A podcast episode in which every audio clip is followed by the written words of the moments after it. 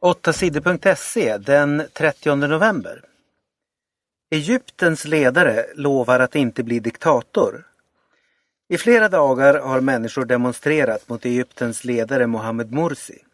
Folk är arga för att president Morsi har gett sig själv mer makt. De är oroliga för att han vill göra Egypten till en diktatur där han själv bestämmer allt.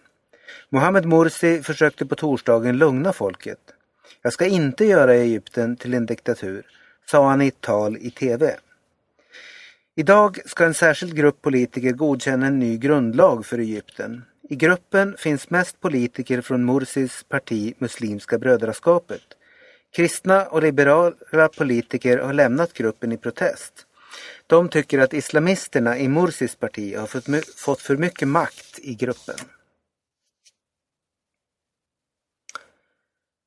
Flera hundra flydde undan brand. Det började brinna i ett garage under ett stort hus med lägenheter i Göteborg på torsdagskvällen.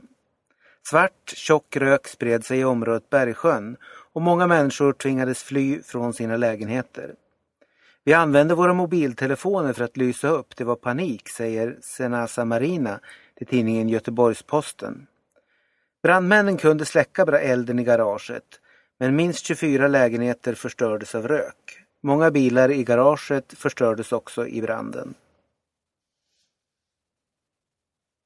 FN röstade ja till Palestina. De palestinska områdena Gaza och Västbanken vill bli ett eget land. Idag har palestinierna inget eget land. Israels ledare vill inte att Palestina ska bli ett eget land. Israel och Palestina är inte överens om var gränserna mellan länderna ska gå. Men nu har 137 länder i Förenta Nationerna, FN, sagt ja till Palestina. Sverige är ett av länderna som röstade ja. Palestina ska få räknas som ett land som får vara med på vissa möten i FN, men det blir inget riktigt FN-land. Många palestinier gick ut på torsdagskvällen för att fira att FN röstade ja. Norge vann damernas skidskytte. Det gick dåligt för de svenska damerna i världskuppen i skidskytte i Östersund. Ingen av de svenska tjejerna var bland de 30 bästa i torsdagens långlopp. Emelie Larsson var bäst av svenskorna. Hon kom på 34 plats. Tora Berger från Norge vann tävlingen. Darja Domarcheva från Vitryssland blev tvåa.